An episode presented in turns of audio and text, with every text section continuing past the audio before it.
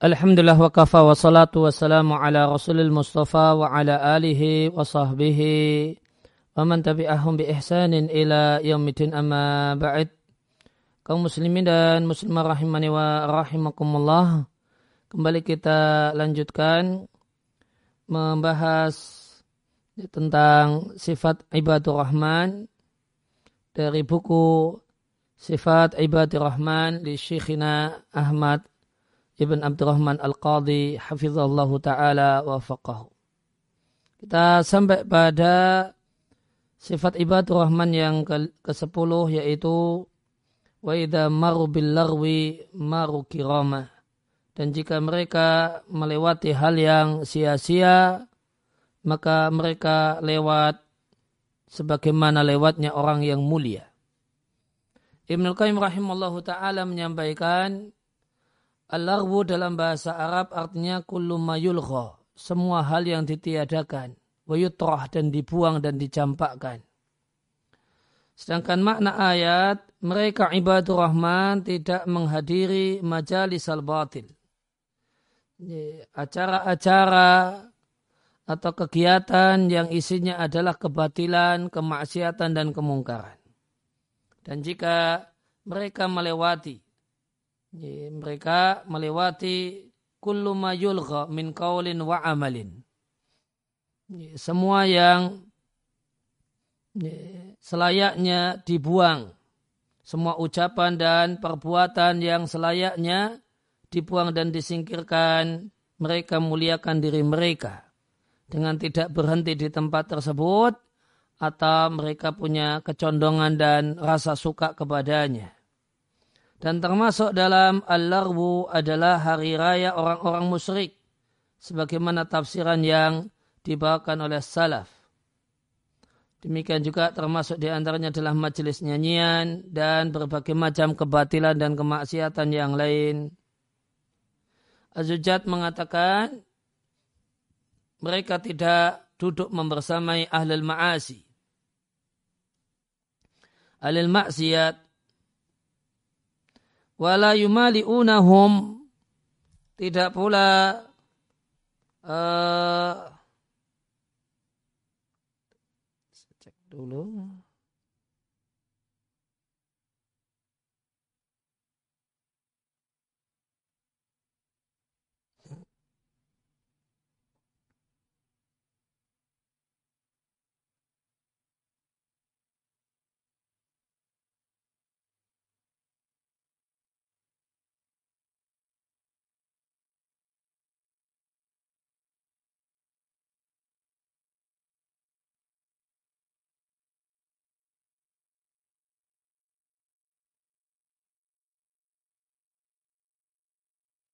ya tidak membantu. Mala'a yumali'u artinya nasara wa sa'ada. Ya tidak. Ya, tidak akan membantu dan menolong mereka dalam maksiat yang mereka lakukan. Dan mereka lewat lewatnya orang yang mulia yaitu orang yang tidak ridha. Ya, tidak ridha dengan adanya al karena mereka memuliakan diri dirinya ya, untuk tidak masuk ke dalam al-larwu hal yang sia-sia dan yang batil dan berbaur dengan para pelaku kebatilan yang sedang melakukan kebatilan. Sekian kutipan dari Irasatul Lahfan. Maka mereka ibadur rahman jika mereka ya, ubtulu bisufaha mendapatkan masalah dengan para sufaha orang-orang yang usil dan mengganggu yaitu mendapatkan uh, permasalahan berupa melewati orang-orang tersebut tanpa kesengajaan maka mereka lam yujaruhum filarwihim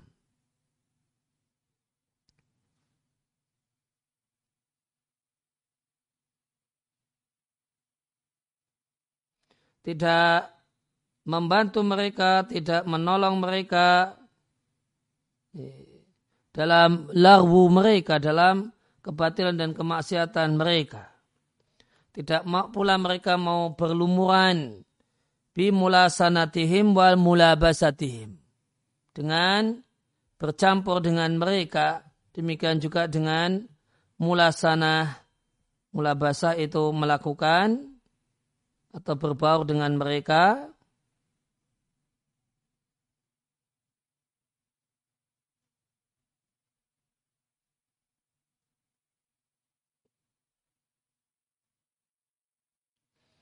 Sedangkan lasana yulasinu maknanya ini adalah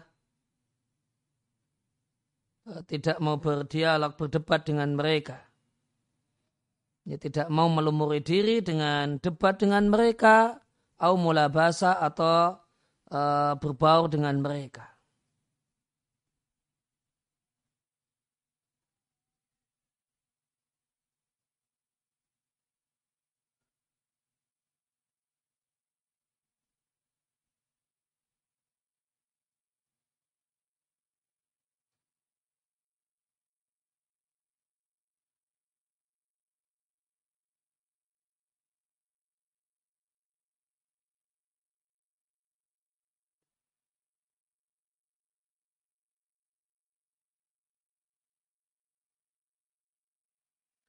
Namun bagaimana sikap sifat sikap ibadur rahman bal hafadhu ala samtihim. Namun mereka menjaga perilaku mereka yang mulia lahir dan batin. Adapun jika sufaha, orang-orang yang suka usil, wal jahilun dan orang-orang yang bodoh, itu mengganggu mereka, ibtidaan. Tiba-tiba mengganggu mereka secara langsung, maka itu telah dijelaskan dalam ayat sebelumnya yaitu wa idza khatabahumul jahiluna qalu salama. Fahada maqamun maka yang ada dalam Al-Furqan 72 ini satu kondisi tertentu wadaka maqamun dan yang itu adalah kondisi yang lain.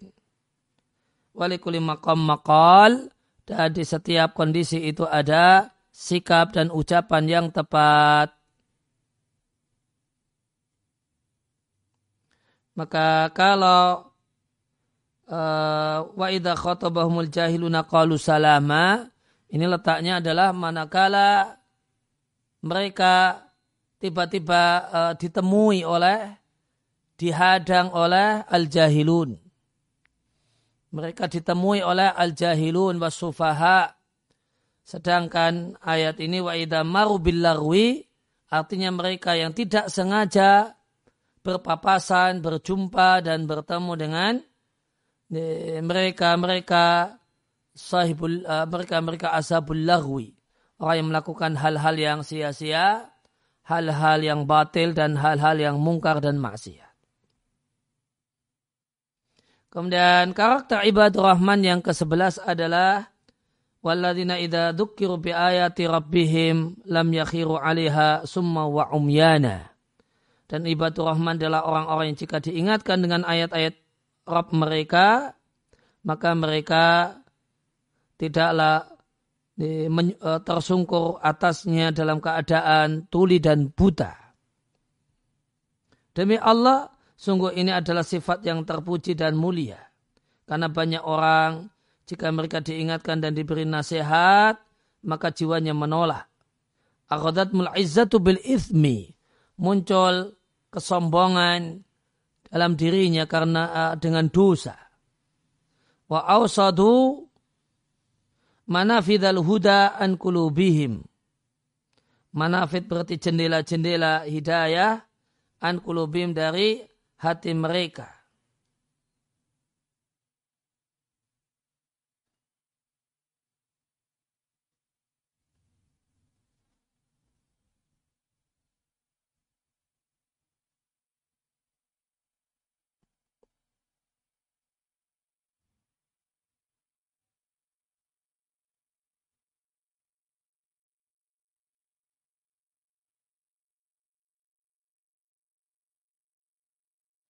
Ausoda al-bab artinya aghlaqa. Menutup. Maka mereka menutup celah-celah atau jendela-jendela hidayah dari hati mereka. Mereka nihilkan pendengaran dan penglihatan mereka. Wa kharu summa wa umyana. Dan mereka pun tersungkur dalam keadaan de, tuli dan de, tuli dan buta. Sebagaimana deskripsi yang disampaikan oleh Nabi Nuh alaihi salam tentang kaumnya yang mengatakan wa ini kulama da'utuhum dan setiap kali kudakwai mereka supaya engkau mengampuni agar engkau mengampuni mereka mereka jadikan jari jari mereka di telinga mereka lantas mereka menutupkan dengan mereka tutupi diri mereka dengan pakaian mereka. Wa asaru dan mereka ngotot wastakbaru istikbar dan mereka sombong. Demikian juga Allah deskripsikan orang-orang munafik dalam firman-Nya. Hatta idha kharaju sehingga jika mereka keluar dari sisimu kalau mereka mengatakan kepada orang-orang yang diberi ilmu madza qala anifa? Apa yang baru saja dikatakan oleh Muhammad fal kafiru maka orang kafir itu adalah orang yang dayikul atan uh, dayikul ufuk. Sempit wawasannya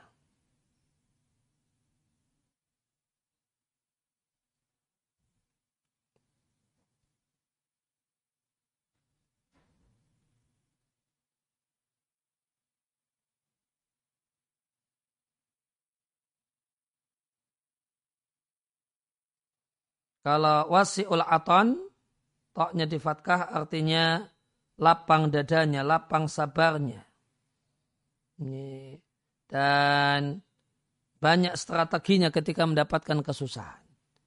Sehingga kalau daikul atan adalah orang yang sempit sabarnya. Mudah kehilangan sabar berarti ya. Mudah kehilangan sabar, sempit wawasan, ablah, balidul fikri beku pikirannya alias bodoh.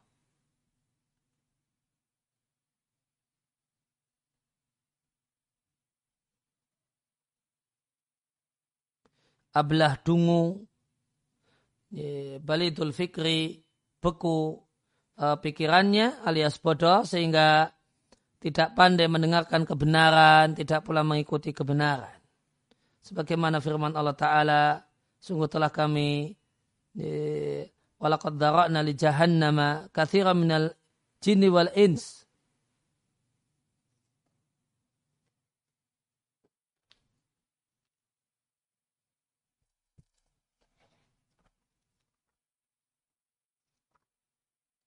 Al-Arab 179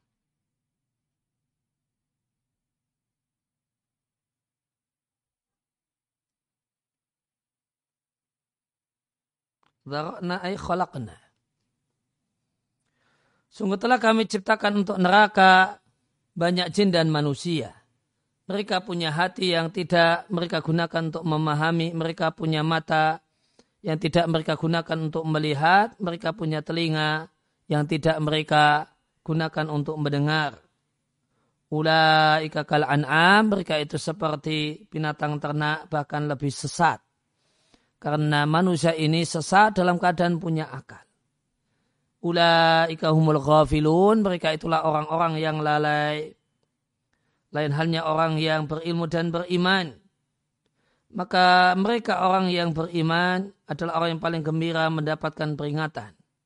Orang yang paling beruntung safakotan perniagaannya dalam masalah peringatan. Dalam masalah memberi atau mendapatkan peringatan sebagaimana orang-orang yang beriman ahli kitab yang Allah deskripsikan mereka dalam firman-Nya di surat Al-Maidah. Allah katakan dan jika mereka mendengar wahyu yang diturunkan pada sang Rasul maka engkau lihat mata mereka berdinangan air mata. Mimma arafu minal haq karena kebenaran yang mereka ketahui. Yakuluna mereka mengatakan Rabbana wahai Rabb kami amanna kami telah beriman maka catatlah kami bersama orang-orang yang memberikan persaksian. Dan kenapa kita tidak beriman kepada Allah dan kebenaran yang datang kepada kita. Dan kenapa kita tidak menginginkan agar Rob kita di surat sajadah ayat yang ke-15 hanyalah innama yu'minu bi ayatina hanyalah orang-orang yang beriman dengan ayat-ayat kami adalah orang-orang yang jika diingatkan dengan ayat-ayat kami mereka kharu sujada mereka tersunggur dalam keadaan bersujud mereka bertasbih memuji Rabb mereka wahum la yastakbirun dan mereka tidak menyombongkan diri dan Allah juga berfirman Aladina orang-orang yang jika dzukirallahu wajilat kulubuhum. Jika disebut nama Allah, hati mereka getar, merasa takut. Dan jika dibacakan padanya ayat-ayat Allah, zadathum imana. Bertambahlah keimanan mereka, wa ala rabbim dan hanya kepada Rabb mereka yatawakkaluna mereka bertawakal. Wahakada dan demikian, fa inna dzikra sesungguhnya peringatan itu bermanfaat bagi orang-orang yang beriman. Waqat sawarallahu halal fariqain dan sungguh Allah menggambarkan keadaan dua kelompok setelah turunnya Al-Quran dengan Allah katakan dan apabila diturunkan satu surat maka di antara mereka ada orang yang mengatakan. Ini kelompok pertama. Siapakah di antara kalian yang surat ini menambah keimanannya?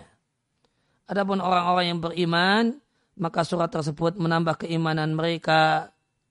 Wahum yastabshirun dan mereka bergembira. Adapun orang-orang yang di dalam hatinya terdapat penyakit, fazadathum maka turunnya satu surat itu menambah untuk mereka kotor di samping kotor mereka wamatu wahum kafirun dan mereka mati dalam keadaan mereka itu kafir. Maka sepatutnya seorang mukmin menyiapkan dirinya alal istidad untuk siap menerima kebenaran, siap menerima kritikan, siap menilai, menerima at-takwim, evaluasi dan penilaian. Dan ini kesiapan ini seorang tak akan siap semacam ini kalau punya tawaduk karena Allah. Punya ketawaduan karena Allah Subhanahu wa taala. Yaitu sami'na wa ata'na dengan kebenaran. Sami'na wa ata'na mendengar dan taat kepada kebenaran yang datang dari Allah dan Rasulnya. Tawaduk kepada Allah dan tawaduk kepada hamba-hamba Allah. Dan ketundukan pada nas. Wayatibu nafsan dan jiwa yang gembira, jiwa yang happy. Dan eh, jiwa yang dan mata yang sejuk artinya jiwa yang nyaman bil huda dengan hidayah. Wayakul kama Umar dan orang yang beriman semestinya mencontoh Umar bin Khattab radhiallahu anhu yang mengatakan rahimallahu man ahda ilayya uyubi. Semoga Allah melimpahkan kasih sayangnya kepada orang yang menunjukkan kepadaku kekurangan-kekuranganku. Inilah sikap yang semestinya dimiliki oleh seorang yang beriman terhadap kritikan dan masukan yang disampaikan oleh orang lain. Sikapnya adalah terima kasih dan mendoakan, bahkan terima kasih dan mendoakan orang yang uh, mengingatkannya dan menegurnya. Dan ini satu hal yang ya, mudah dibicarakan namun uh, sulit untuk diamalkan dan dipraktekkan. Maka sungguh betapa mulianya dan betapa indahnya akhlak Umar bin Khattab dan demikian juga akhlak para sahabat dan akhlak para nabi.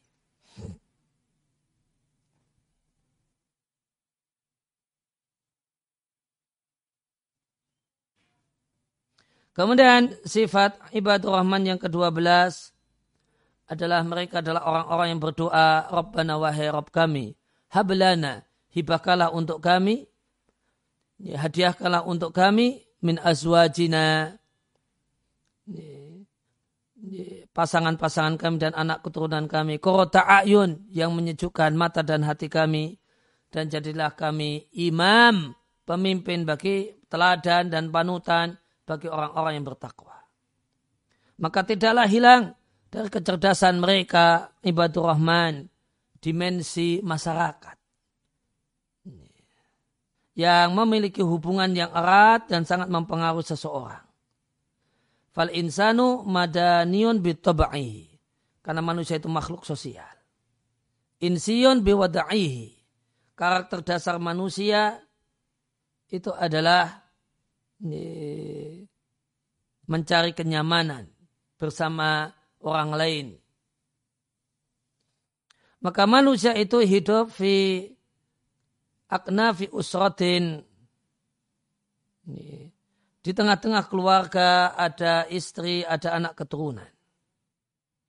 Maka menjadi sebuah keniscayaan mereka meminta hadiah kepada Arab mereka kebaikan, kesalehan istri dan anak keturunannya supaya sejuk hati dan matanya dan mereka mendapatkan nikmat dengan keberadaan keluarganya sehingga keberadaan keluarga itu tidak menjadi wabalan bencana dan malapetaka untuknya tidak menjadi nakal dan kesusahan dalam hidupnya.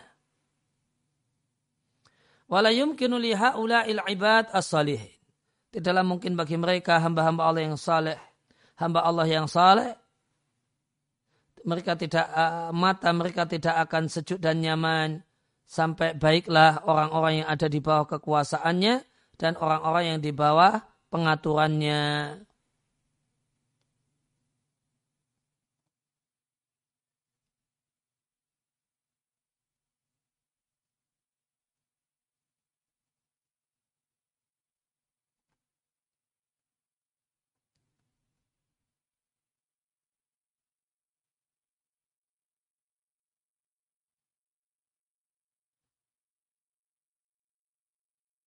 Yeah.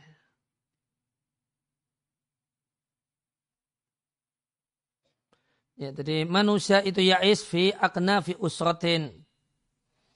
Ya, dalam ya, ya di tengah-tengah dalam bayang-bayang keluarga. Ya, mungkin.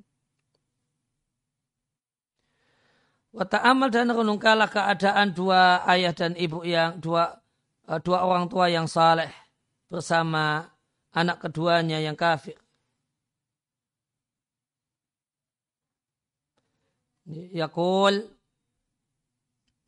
Ufil lakuma Ata'idani an ukhoja wa qad khalatil kurunu min qabli? Wa huma yastaghisanillaha wa ilaka amin. Inna wa'dallahi haq tentang mana ayat ini.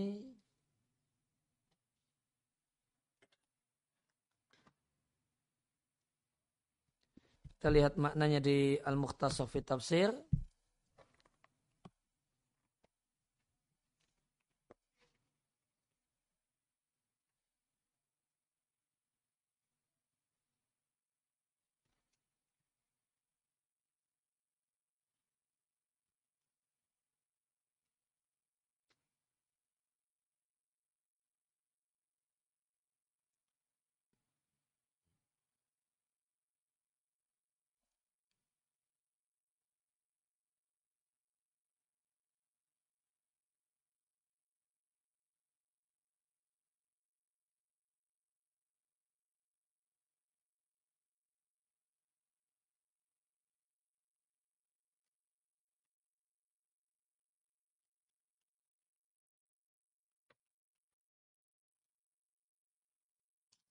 ayat 17 500.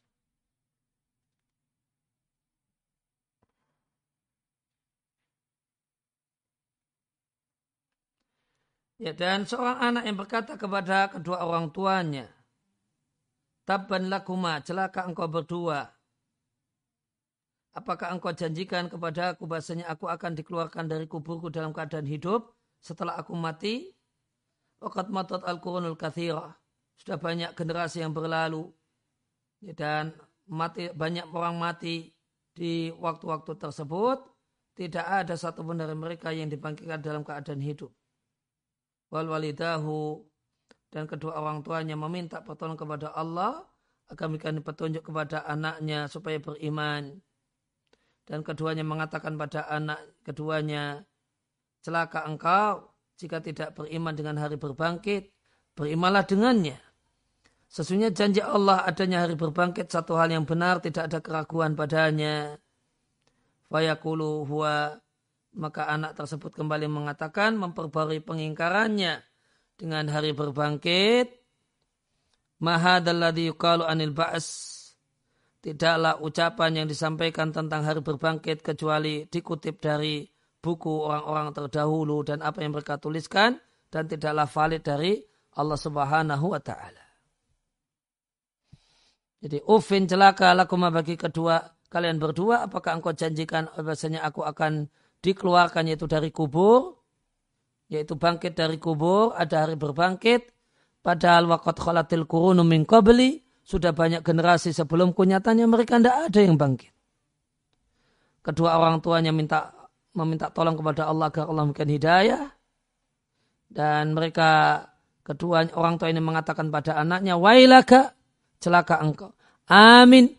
Berimanlah dengan adanya hari berbangkit. Sesungguh janji Allah itu satu hal yang benar. Maka tidak akan sejuk mata orang yang beriman sampai berupaya untuk baiknya keluarganya. Diriatkan oleh Imam Ahmad dengan sanad yang sahih dari Jubair ibn Nufair. Dia mengatakan kami duduk uh, bareng dengan Al-Miqdad ibn Aswad yauman pada satu hari.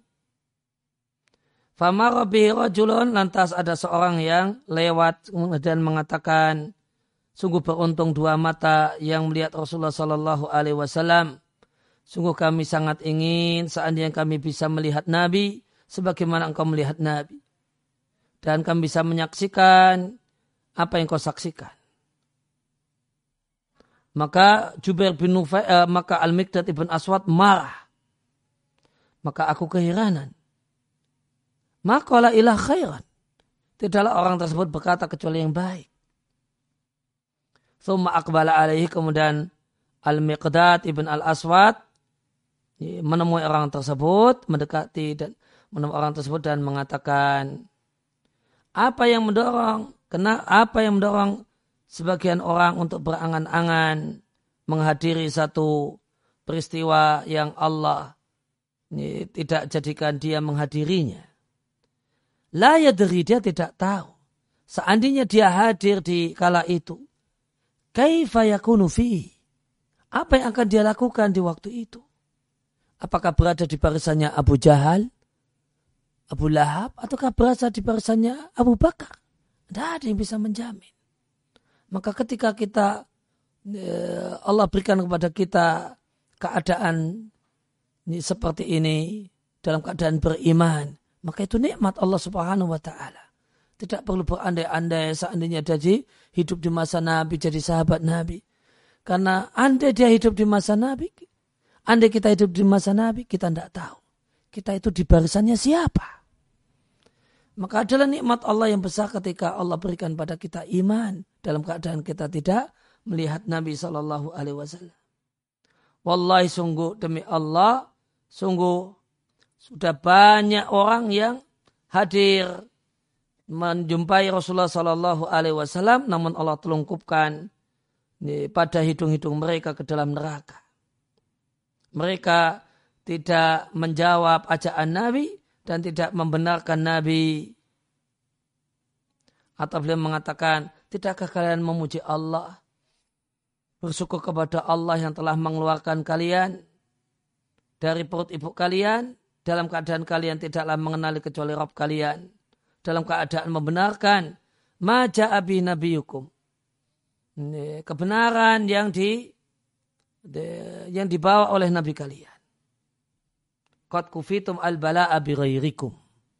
Sungguh kalian telah dicukupi dengan uh, ujian telah diselesaikan oleh orang selain kalian. Sungguh Allah subhanahu wa ta'ala mengutus nabinya. Ala asyati halin. Dalam keadaan yang paling berat, seorang nabi diutus. Yaitu fi fatratin min jahiliyatin. Di masa kekosongan wahyu, masa jahiliyah.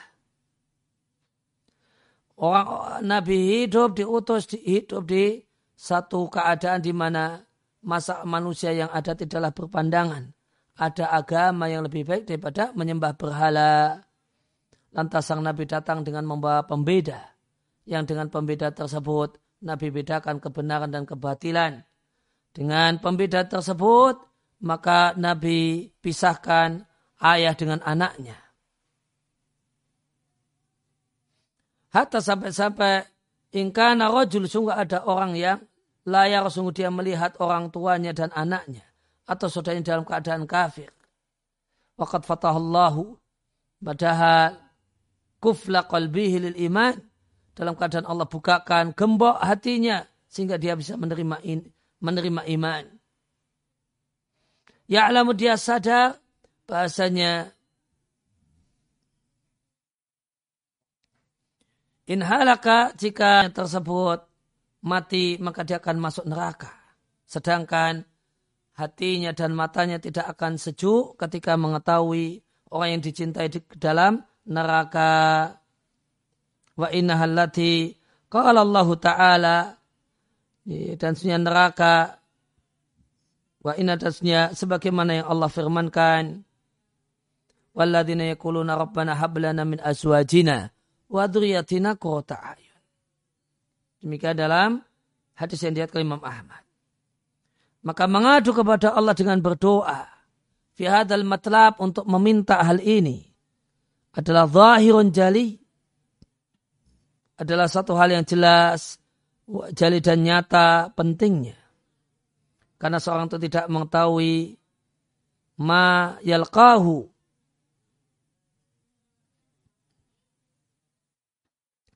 tidak mengetahui apa yang akan dia jumpai dari mereka-mereka kerabatnya. Alati tashtatu mulabasatu basilatuhum. Yang demikian erat kedekatannya dan hubungannya. Maka kerabat ini boleh jadi mereka menjadi sebab kenyamanan dan kebahagiaan namun boleh jadi mereka itu e, mengubahnya, mereka itu berubah menjadi uh, hamman wa kadran, kegalauan, kekurahan hati dan sumber kesengsaraan.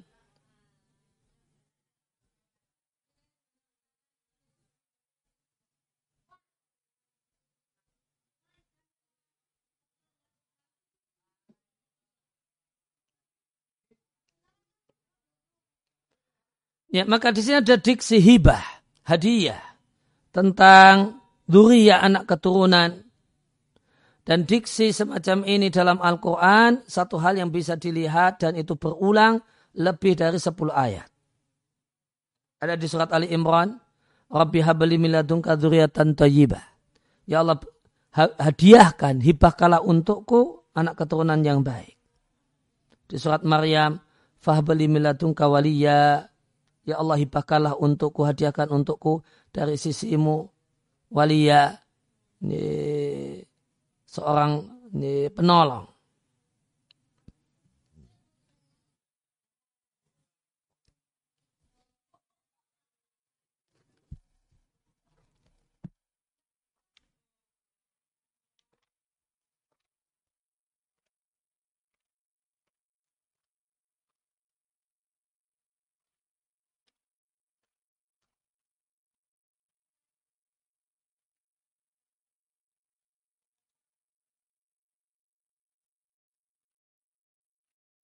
Maryam ayat kelima saya tegas. Ya, waliya artinya uh, wala dan mu'inan. Anak yang bisa menolong. Yang bisa bantu-bantu. Demikian juga firman Allah di surat Sot ayat yang ke-30. Wa wahabna li Dawud Sulaiman. Kami hadiahkan Sulaiman untuk Dawud. As-Sofat ayat 100, Rabbi habli minas solihin, Ya Allah berikanlah untukku, hadiah uh, hadiahkanlah untukku minas solihin, orang anak yang soleh. Wahabna lahu Ishak wa Yakub di surat Al-An'am dan kami hadiahkan untuknya Ishak dan Yakub. Di surat Maryam ayat 19 supaya aku hibahkan untukmu gulaman zakiya ini anak laki-laki yang suci Demikian juga ada di surat Ibrahim ayat 39. Segala puji milik Allah zat yang telah menghadiahkan untukku alal kibari dalam usia yang tua Ismail dan Ishak.